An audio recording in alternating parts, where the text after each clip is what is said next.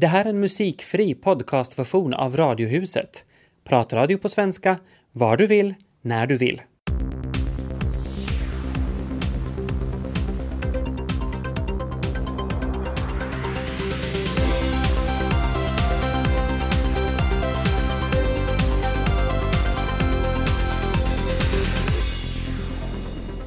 Och här börjar Radiohuset torsdag. Vi håller dig i sällskap i Vega ända fram till fem. Minnessjukdomar är för många en skräck men det går att göra vardagen lättare. Det berättar vår gäst idag. Och Sverige har fått en prinsessa. Få andra saker är så bra för kungahusets popularitet som just bebisar. Ja, med Tobias Larsson och Ami Lassila. Helena Alers, välkommen. Tack. Minnessjukdomar blir allt vanligare och många är väldigt rädda för dem. Du jobbar just med det här som vårdutvecklare på Folkhälsan. Vad är det för tecken man ska ge akt på när glömska inte riktigt är normalt längre? Nu bör vi eh, för det första ge akt på att när är glömskan ett problem och när är det inte ett problem. Ehm, eh, helt generellt kan jag säga att när någonting inte stämmer mot det tidigare. Det här är högst individuellt. Eh, människor har glömt olika saker under hela sin livstid men när någonting blir permanent annorlunda mot tidigare. Mm. Nå, vad ska man göra då? Eh, man ska ge akt på om det är en, en, en bestående, ett bestående problem och naturligtvis tala om det och söka hjälp. Det går att utreda. Kan du ge några exempel på, på det här när man märker att det här, det här, jag till exempel har glömt namn alltid, jag, jag har väldigt svårt för det där. Men, men vad finns det för exempel? som... Jo, namn är, är, är bland det vanligaste människor är oroliga över nu måste man veta också att det har direkt att göra med, med när vi blir äldre, åldrandet. Vi har så många olika eh, namn i, i lagren, en yngre människa. Eh, men man behöver nog ha fler problem än endast namnproblem. Eh, närminne, när vi talar om glömska så måste vi komma ihåg att dess motvikt är att komma ihåg saker. Vårt minnessystem är jättekomplicerat men det här har direkt att göra med närminne. Det just skedda. Har någon just ringt per telefon och man säger att nej den personen har inte ringt. Man glömmer inte möte en gång, man glömmer det ideligen. Man har svårt att orientera sig på bekanta platser. Är exempel på mm. när en klocka ska ringa. No, alldeles konkret, vad ska man göra då när man märker det här?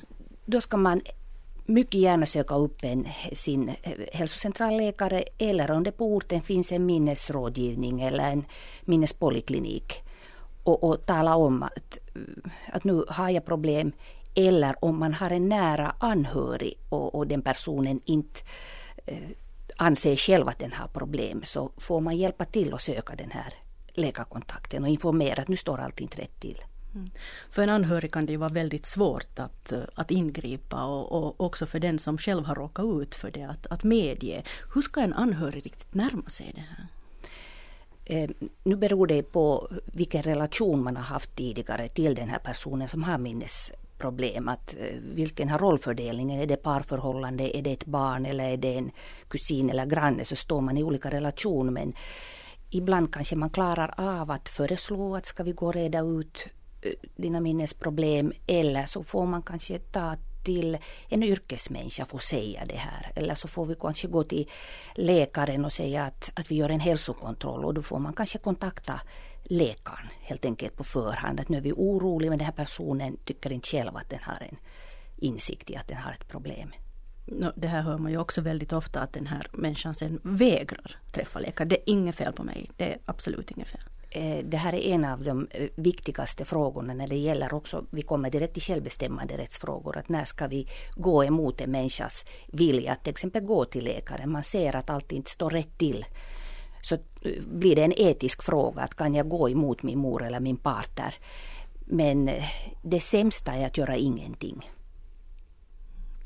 No, det här, många upplever det som väldigt skamligt och försöka dölja det så länge det går. Att till exempel om man lever tillsammans med någon som har den här minnesproblemen så, så ställer man upp för den och håller det hemligt för resten av släkten. Men vilket är ditt råd?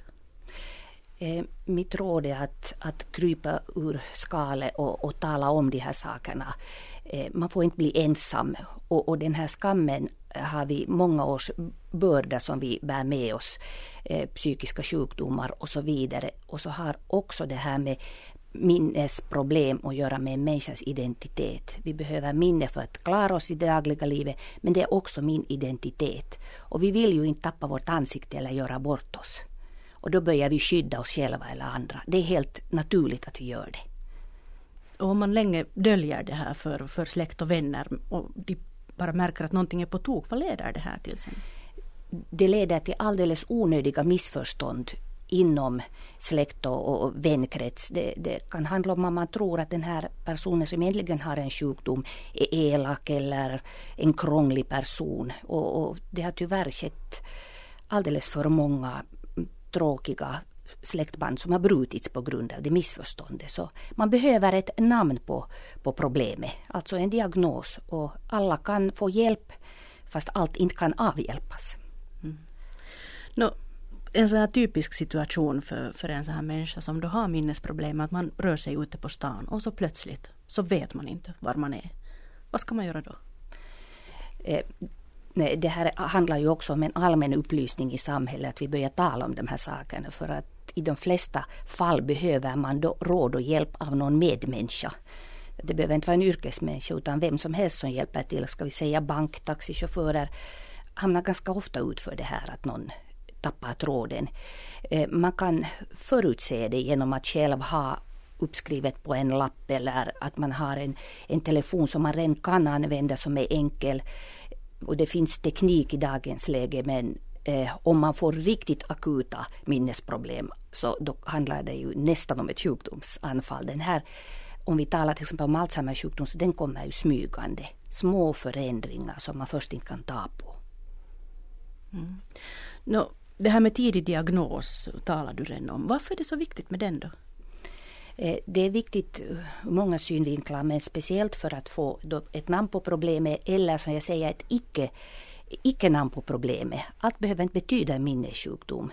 Vi säger upp till 10-15 procent kan vi bota. Då kan det här minnesproblemet eh, bero på någonting helt annat, något fysiologiskt i kroppen. Att man behöver få en medicinering för kanske kronisk depression eller B12-vitaminbrist, sköldkörtel. Det finns andra saker som man kan åtgärda som har samma liknande symptom i början.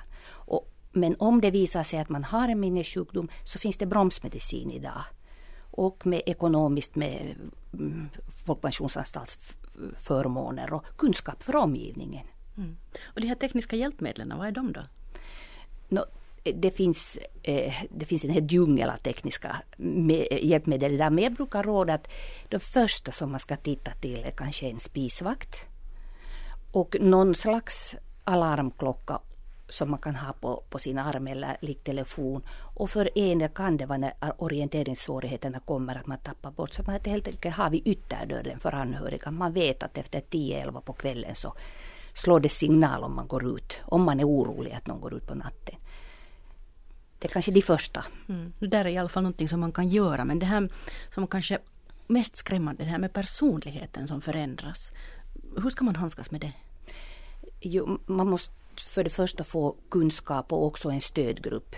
För den här personen förändras småningom sin personlighet och mister förmågor som den har haft förut. Och det är gemensamma minnen också som försvinner. Så det är en ganska stor berg och dalbana, känslomässig berg och dalbana för båda parter. Där den andra får, den friska parten så att säga, får ta vid och kompensera brister. Småningom mera och mera. Det är en balansgång mm. och en sorg. Mm. Men just det här med att säga att varför är du så elak hela tiden? Varför du, ser du så elakt?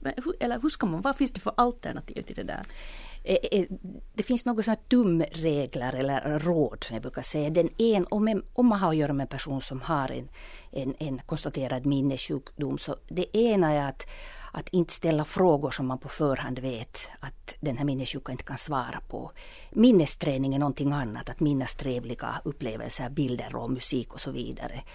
Eh, det är en ganska viktig sak. Och sen om, om, om den andra talar osakligt så att man inte gör grej av det utan lite by the way, man låter gå förbi och så säger man ska vi dricka en kopp kaffe eller solen skiner eller läsa eller avleda till någonting trevligare. Men det, det lönar sig inte att börja börja säga emot eller hur det är på riktigt. Om det inte har någon betydelse, om det inte har någon praktisk betydelse att man ska gå till läkare eller så vidare.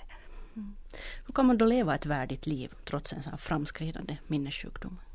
trots att jag talar om, om diagnosens eh, betydelse, att det är viktigt, så ska man på ett annat sätt glömma bort den efter det och titta till de resurser som finns kvar och alltid, alltid bemöta människan. Man bemöter aldrig sjukdomen. Vad betyder det där? Att man, man bemöter personen, den, den människa som finns där, inte diagnoserna. Och alla har, alla har resurser och, och, och möjligheter till ett värdigt och gott liv. Tack Helena Ahlers. Tack.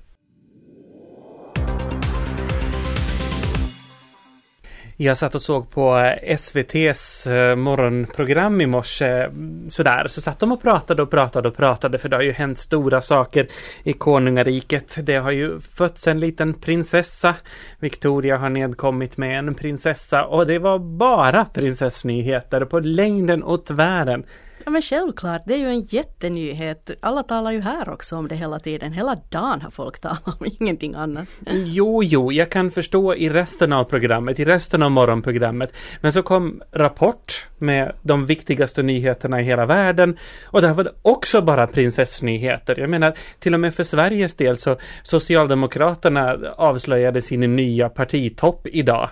Ingen bryr sig. Ingen bryr sig. Oj, vad illa tajmat för den då. Jo, det. Eh, Sverige trillade nästan omkull i den här yran och, och, man hade mobiliserat fullt i SVT. Det var folk i varenda buske som skulle prata om med folk, vanliga människor, hur glada och lyckliga de var. Och nu spekuleras det vilt om namn och liknande. Mm.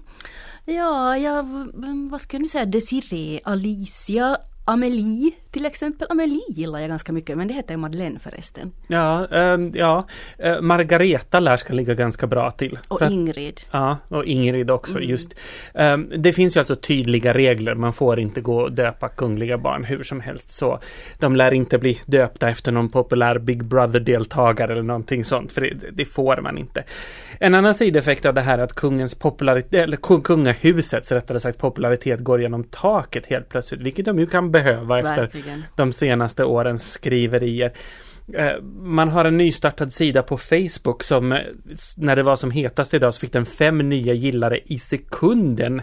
Och det var där man la ut den första bilden på den här lilla prinsessan också som man i och för sig inte såg så hemskt mycket av. Men Nej, men de var ju redan på hemväg från sjukhuset. Hon lär ska ha funnits där under filten i alla fall. Mm. Nu frågar man sig bara hur länge den här populariteten håller i sig det kan ju vara så att pappa kungen får för sig att göra någonting igen som, som skuggar över det här. Men just idag är en lycklig dag.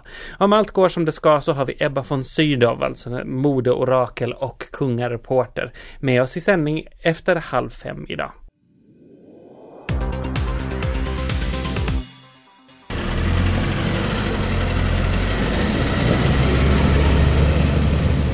Åkeriföretagare Jyrki Kouja, hur många långtradare har ni? 31 stycken i dagens läge. Och hurdana transporter? Både inrikes och utrikes. Hur mycket diesel tankar ni per år? Så ungefär en miljon liter per år. Det är ganska mycket. Det är mycket, ja. Mm, så det är långa transporter, alltså ni kör, färdas långa sträckor då också? No, jo, ja, på det viset såklart att när Finland är ju som, som den är så hamnar man ju fara upp och ner och, och nu får det bränsle oberoende fast man skulle köra här lite närmare också. Vad kostar en liter diesel idag? No, den är omkring lite på en, lite på en euro nu.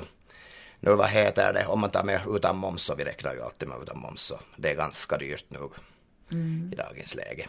Dieseln har stigit kraftigt, mm. till och med jämfört med bensinpriserna. Ja, alldeles, det har det gjort och, och det har inte varit så enkelt att få de här priserna till transporterna. Vad tycker du om det här literpriset nu då? Ja, nu börjar den vara för hög nu redan. Om priset på diesel sen stiger till 1,80 80, vad säger du då?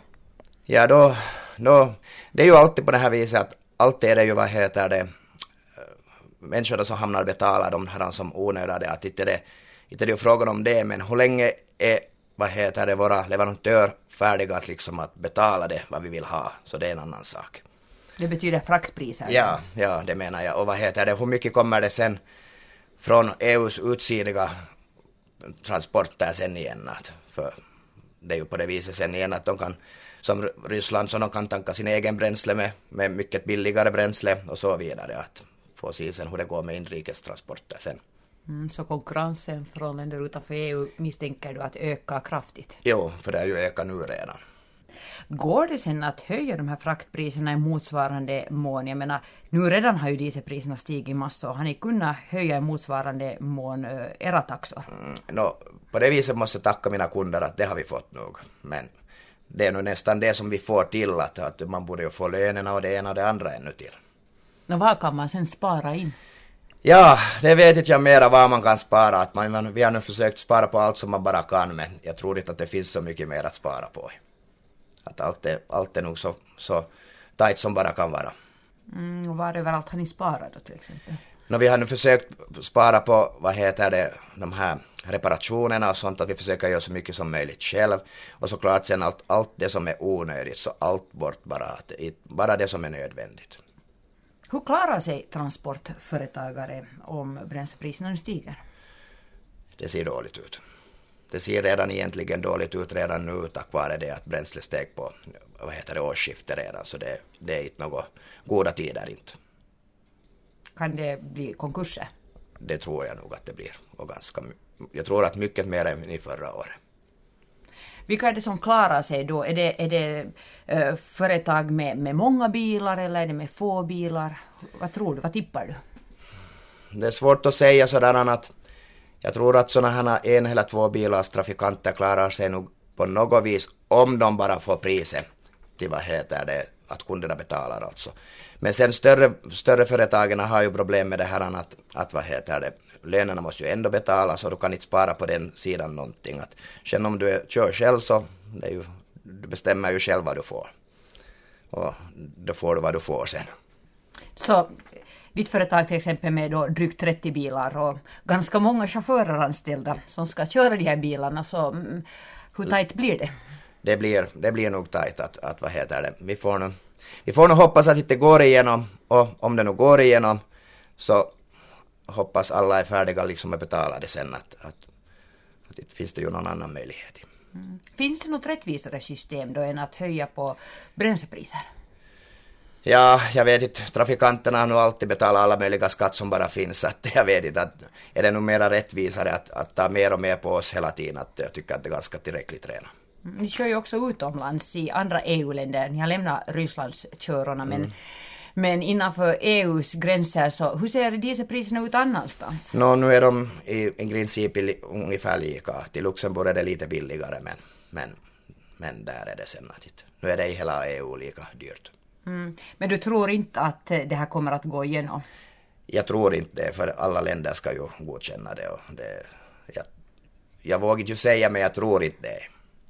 Jyrki Kouja, oberoende av tider, konjunkturer och skatter så har jag, av personlig erfarenhet vet jag att åkerierna har alltid klagat på att höga bränslepriser, höga bränsleacciser och jättelåga fraktpriser. Mm. På vilket sätt är situationen annorlunda idag då jämfört med tidigare år och årtionde?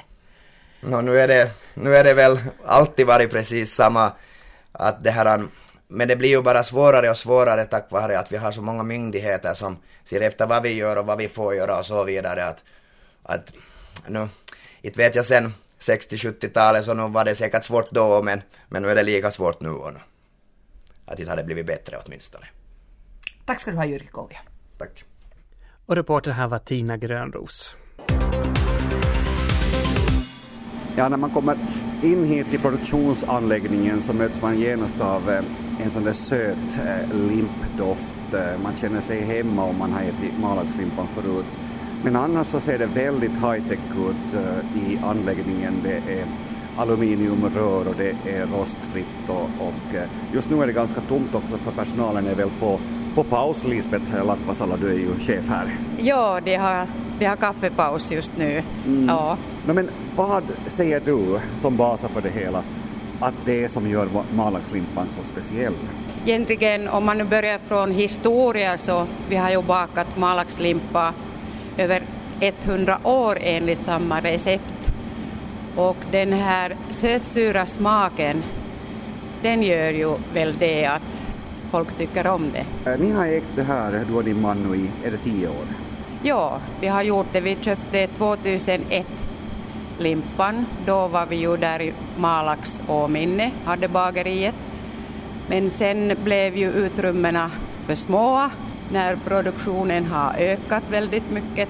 Mm. Så bestämde vi att Eh, vi ska bygga ett nytt bageri hit till Vasa. 2009 flyttade vi hit. Det var alltså 1906 eh, som Malaxlimpan började tillverkas i Åminne och under den första tiden gjordes försäljningsresorna med rodd och segelbåt in till Vasa. Och eh, varandes en typisk skärgårdslimpa så blev den snabbt en liten favorit inom det svenskspråkiga kustområdet. Efterfrågan växte småningom och Malaxlimpan började sprida sig till butiker i hela den ekonomiska regionen. Receptet, ja, det är en väl förborgad hemlighet. Eh, lite kan man ändå få fram genom att läsa vilka ingredienser som används på limpans omslag. Och nu är det alltså familjen Latvasalo som för traditionen vidare. Vi kände ju limpan tidigare och jag har ju ätit malaxlimpan ända när jag har varit liten. Och vi såg att malaxlimpan har stora möjligheter. Vi har ju gjort mycket arbete med marknadsföring och vi har nog lyckats bra, fått här i Finland till alla kedjorna och, och till restauranger. Och nu har vi ökat försäljningen till Sverige. Jag ska komma tillbaka till den här Sverige-satsningen, men hur stora är ni just nu som företag? Nå, egentligen är vi ju ett litet företag. Vi har ju bara en produkt, malaxlimpa. Mm. Förstås finns det olika storlekar. Det finns hela limpor, stora och mindre och sen den här skivade stor och liten. Men hur många anställda är ni? Vi är cirka tio och sen när det är högsäsong så har vi ju mera. Och omsättningen? Det vill du inte prata om? Nej. okay. Hur många limpor blir det då ungefär per dag? Kan man räkna dem? No, jag, jag kan inte räkna det, men det blir nog mycket. Det är som fullt arbete varje dag. Räknar man det i tusental? Ja, ja. Och satsningen på Sverige som du berättade tidigare om, så hur ser den ut? Den ser nog bra ut förstås. Är det mycket att arbeta med marknadsföring. Det är ju inte så lätt att, att slippa till ett nytt land. No, det har ökat hela tiden förstås. Före man slapp till Sverige så har vi ju gjort arbete i flera år. Det är ju alltid så att när man far till nya marknaden så det kräver flera år kraftigt marknadsföringsarbete. Och tidigare har, har vi ju haft i norra Sverige, har vi ju levererat dit och sen Stockholmsområdet. Men i fjol, före julen, fick vi ju in till, till de här största kedjorna i Sverige. Och nu håller vi ju på, det kräver ju hela tiden kraftigt marknadsföringsarbete där. Hur, hur har den tagits emot då bland kunderna? Det har tagits väldigt bra emot. Det är deras smak, det här sötsura limpan. Och så är det ju viktigt med malaxlimpan också att det finns inte några E-koder. Att det är utan tillsats och konserveringsmedel och sen dessutom är den laktos och mjölkfri. Så har ni också fått eh, draghjälp av svenska stjärnkocken Leif Mannerström. Hur hoppade han på det här, ska vi säga, med malaxlimpan? Han har ju känt malaxlimpan länge och använt i sin restaurang i Kometa och i södra Sverige. Och uh, han tycker om malaxlimpan och han håller på att göra nya recepter med malaxlimpan och det var ju som nästan en, en eh, lottovinst för er det att han gillar det här så mycket att han vill sprida budskapet. Ja, det, det är ju självklart att han är ju mest känd i Sverige. Just nu också då i, i svenska Masterchef också. Ja, han drar ju den och är där med. Hur känns det för er? Vill ni sen gå vidare från Sverige också ut i Europa måhända? Vi har ju lite export till Ryssland också och Och intresse från andra länder har varit också här, att vi tar ett land igång Ja. sådär smak, sakta.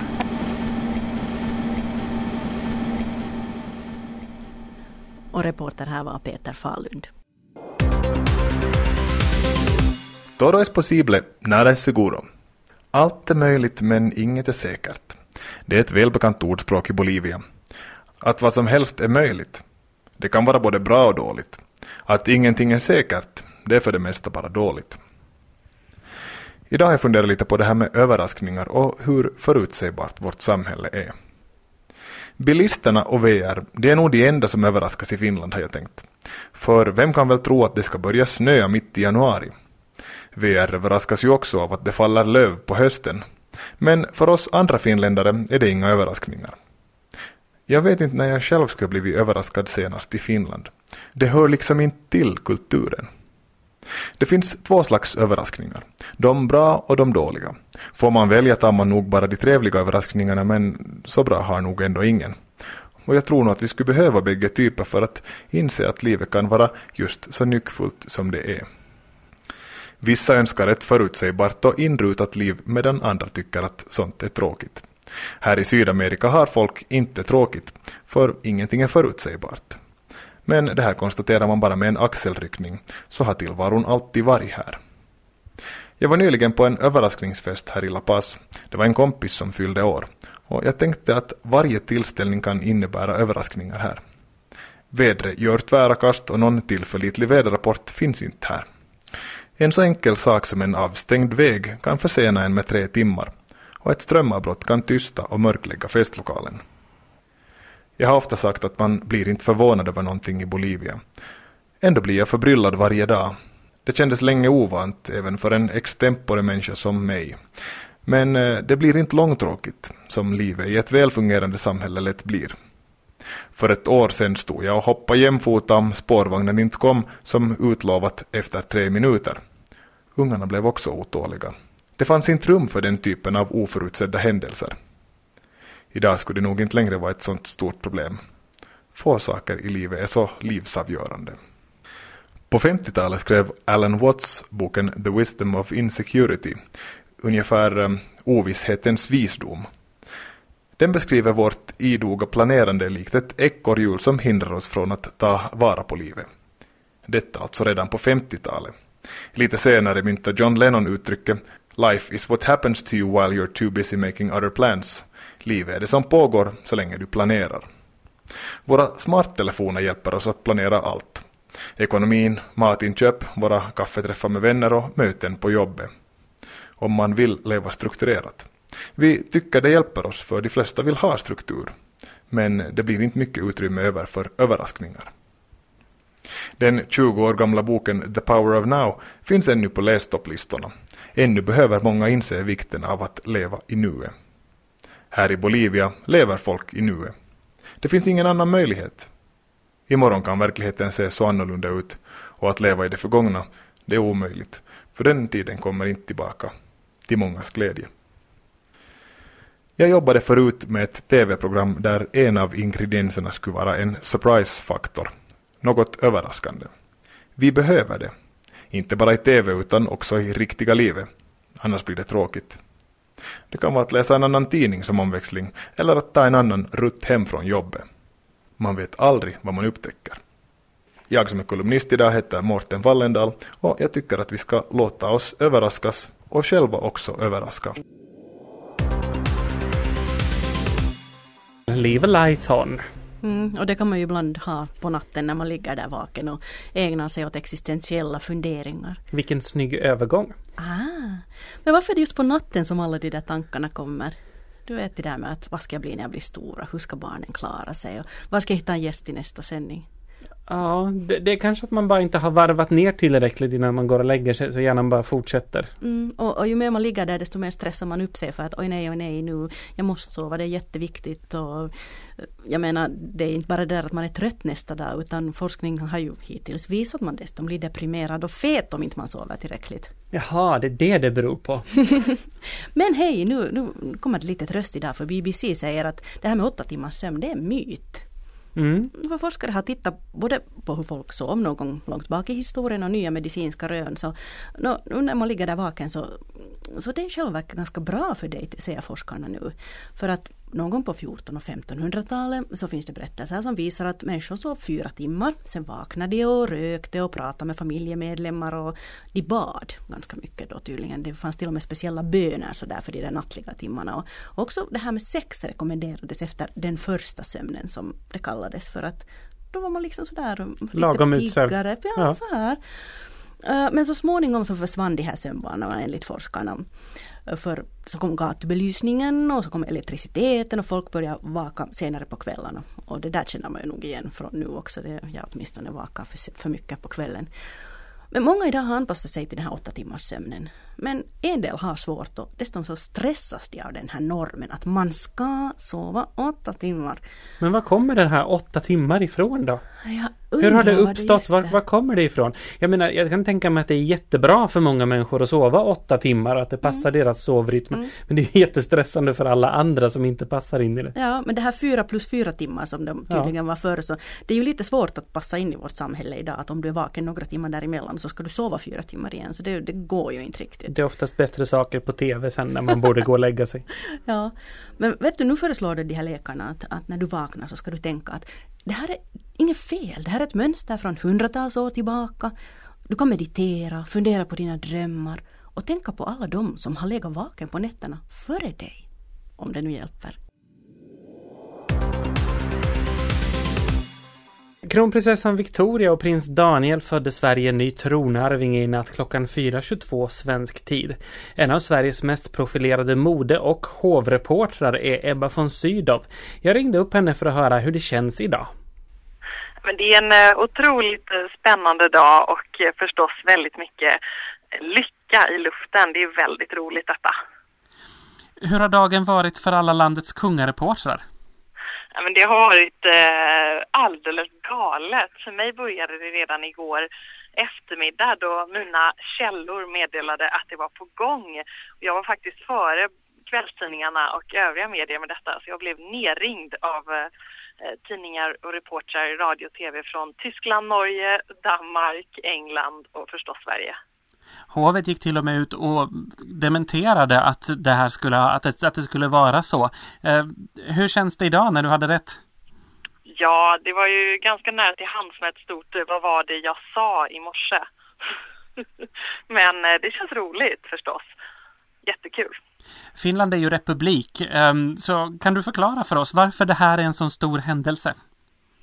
Alltså det, det är egentligen svårt att förklara. Det är både en stor och en liten händelse för att eh, varje litet eh, barn som föds är ändå ett mirakel och väldigt häftigt. Men just det här barnet har ju haft ovanligt många eh, ögon på sig och eh, väldigt efterlängtat inte minst. Tittar man på kronprinsessan så är hon Um, inte en gammal mamma men alla hennes kompisar har redan två barn så det är många som har väntat på detta. Um, hela Sverige har ju också uh, tagit Daniel och Victoria till sina hjärtan. Uh, monarkin i Sverige har haft problem och uh, har haft en hel del skandaler och motgångar men Daniel och Victoria är väldigt omtyckta. Du följde ju med deras bröllop också som reporter på SVT. Hurdana är de, Victoria och Daniel? Jag skulle säga att de ändå är ganska vanliga. Det är ju det som eh, eh, har diskuterats väldigt mycket huruvida det är en fördel eller en nackdel. Eh, kritiker har ansett att de är för vanliga, att hon valde en alldeles för vanlig kille och att det är slutet på kungahuset. Eh, men det har ju visat sig vara tvärtom, att det har varit någonting som är folkligt och har blivit väldigt populärt. Hur nära kommer man de kungliga som reporter? Eh, som journalist på SVT så eh, kommer vi nog ändå så nära man kan komma, eh, skulle jag säga. Eh, för oss är det viktigt att informationen är korrekt eh, och då är det hovet som får vara vår främsta källa det är ju en enorm popularitet för kungahuset i Sverige just nu också tack vare det här, den här födseln. Eh, på Facebook är ju intresset enormt idag. Hur länge tror du att den här baby-euforin håller i sig? Ja, det är svårt att säga. Nu kommer vi inte få se så mycket till av bebisen förrän om kanske två, tre veckor. Då gissar jag att vi kommer få se ett första framträdande och sen så blir den stora händelsen förstås eh, det kungliga dopet som jag gissar kommer ske någon gång i maj. Victoria har redan lämnat sjukhuset tillsammans med den nya prinsessan. Eh, hur har pressen reagerat på att man åkte hem så tidigt? Det var väl ganska naturligt och ganska väntat eftersom hon har så bra backup hemma, Victoria, gissar jag. Så hon behöver inte ligga kvar där med de andra familjerna utan hon får hjälp hemma istället. Du nämnde själv de här skandalerna som har varit. Hur, hur tycker du själv att framtiden ser ut för kungahuset? Jag tror att eh, nu kommer fokus ligga väldigt mycket på den här bebisen och på familjelyckan och på Daniel och Victoria och livet på Haga slott. Um, och det är ju väldigt positivt för kungahuset förstås om fokus kan flyttas från uh, Madeleines liv i New York som är ganska kritiserat och uh, kungens uh, ganska halvkassa uttalanden och historier den senaste tiden. Du har ju haft ett riktigt drömjobb. Vad är det bästa med att rapportera om kungahuset? Det bästa med mitt jobb är väl att jag rapporterar för SVT och vi eh, jobbar mycket med att ha en ganska balanserad bevakning. Alltså att man inte på något sätt blir eh, eh helt uppfylld av eh, någon slags kunglig yra utan även försöker sätta det till historiskt sammanhang, försöker få lite perspektiv på saker och ting. Eh, som sagt, idag så fylls tidningarna eh, spaltmeter upp och ner i Sverige och alla medier finns för detta. Men det är ju egentligen inte så mycket mer än att det har kommit en liten prinsessa som är frisk och mår bra. Eh, mycket mer än så är det inte. Och nu för kungafamiljen, vad hoppas du att de får nu? Nu hoppas jag verkligen att de får lugn och ro. Eh, jag är själv mamma till en liten eh, prinsessa på tio månader, eh, så jag vet hur viktigt det är. Och så hoppas jag verkligen att de kan skaka av sig alla människor som kommer tycka massor om vad de väljer att göra. Om de väljer att åka hem tidigt från sjukhuset, om de väljer att visa bebisen eller inte och så vidare. Jag hoppas, hoppas att de kan lita på sin eh, magkänsla. Eh, och så hoppas jag att de väljer ett bra namn. Vad tror du att de väljer för namn? Jag hoppas nog ändå på Kristina. Det är ett eh, kungligt eh, namn med tradition och dessutom heter faktiskt Daniels eh, mamma Eva Kristina i andra namn. Så det skulle passa utmärkt tycker jag. Vi får se om du får rätt. Tack så mycket Ebba von Sydow. Tack så mycket. Hej! Den här dagen kommer vi ju nog att minnas som den stora prinsessdagen. Mm -hmm. Den här dagen, den 23 februari. Men du tänkt på att du faktiskt blev ett vintrigt kungligt barn? Ja. För Vic det noterade jag när jag gick hit idag. Ja, Vickan och Carl Philip och Madde, de är alla så behändigt födda under sommaren med härliga födelsedagskalas och bilder med grönska omkring och vinkelivink åt alla människor. Fast drottningen är född dagen före julafton så det är ingen som hinner vinkelivinka till henne. Nej, okej, okay, men de här barnen mm, som, ja. ja. Mm. Uh, och hur barnet ska se ut i framtiden. Det kan man gå och titta på på SVT för de har lekt med så här bildhanteringsprogram och lagt ihop um, Victoria och Daniel och visat hur den här eh, tronarvingen kan tänkas se ut i framtiden. Alltså... Inte så himla vackert faktiskt. Nej, jag, jag, tycker inte ens man får göra sådär nu no, på hennes li- födelsedag. Det är lite styrt. humor måste de få ha. alltså det är ju ganska roligt. Det, det är faktiskt ganska roligt. ja. Nåja, det här fortsätter man säkert att gotta sig åt i ganska många sändningar och tidningar ännu. Men vi är tillbaka på måndag. Vi hörs. Vi hörs.